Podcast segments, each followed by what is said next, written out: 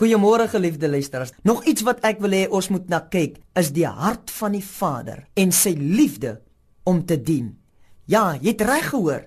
Sy liefde om te dien. God wil jou dien. Ware diens vloei vanuit liefde en nederigheid en ons God is 'n liefdevolle en 'n nederige God. Ons weet nou al by die tyd dat jy kan God in sy opdragte sien. Sy opdragte aan ons weerspieël sy hart. As hy sê ek moet my vyand lief hê en die seun wat my vervloek, is dit omdat hy dit doen. Kom ons kyk na die volgende in die skrif.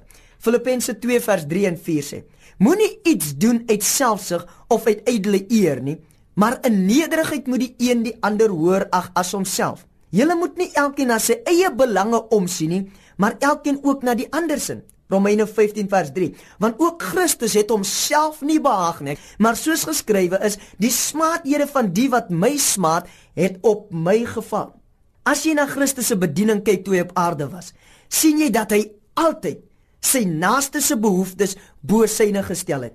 Hy het altyd sy naaste eerste gestel. Die belange van die gefalle mens was sy prioriteit. Sy woorde was ek het nie gekom om gedien te word nie maar om te dien Ons sien dit by die was van die disippels se vuil en stowwerige voete. Die meester, skepper en onderhouder van alle dinge, buig laag en neem die posisie van 'n dienskneg aan. Hy vra nie dat hulle sy voete moet was nie, maar hy was hulle voete. Hy ag hulle hoër as homself. Hy was ewen Judas se voete en dien Judas en ag hom hoër as homself. Hy soek nie hulle diens nie. Aan die ander kant kan ons nie bestaan sonder God se diens nie. Jesus sê, ek sê net dit wat ek die Vader hoor sê. Ek doen net dit wat ek die Vader sien doen. So toe Jesus sê ek het nie gekom om gedien te word nie, maar om te dien, is dit wat hy die Vader hoor sê het. Toe hy die, die voete van die disippels gewas het, toe is dit dit wat hy die Vader sien doen het. Hy sien die Vader Judas se voete was. Die Vader as skepper wil die mens dien. Ons sien toe Jesus Christus uit die dood uit opgestaan het en verheerlik was, nadat die disippels heelnag vis gevang het en niks gevang het nie, maak Jesus vir hulle ontbyt. Toe hulle terugkom, sê Jesus, "Het julle iets gevang?" Hulle sê, "Nee, niks." Jesus sê, "Hier is brood, hier is vis."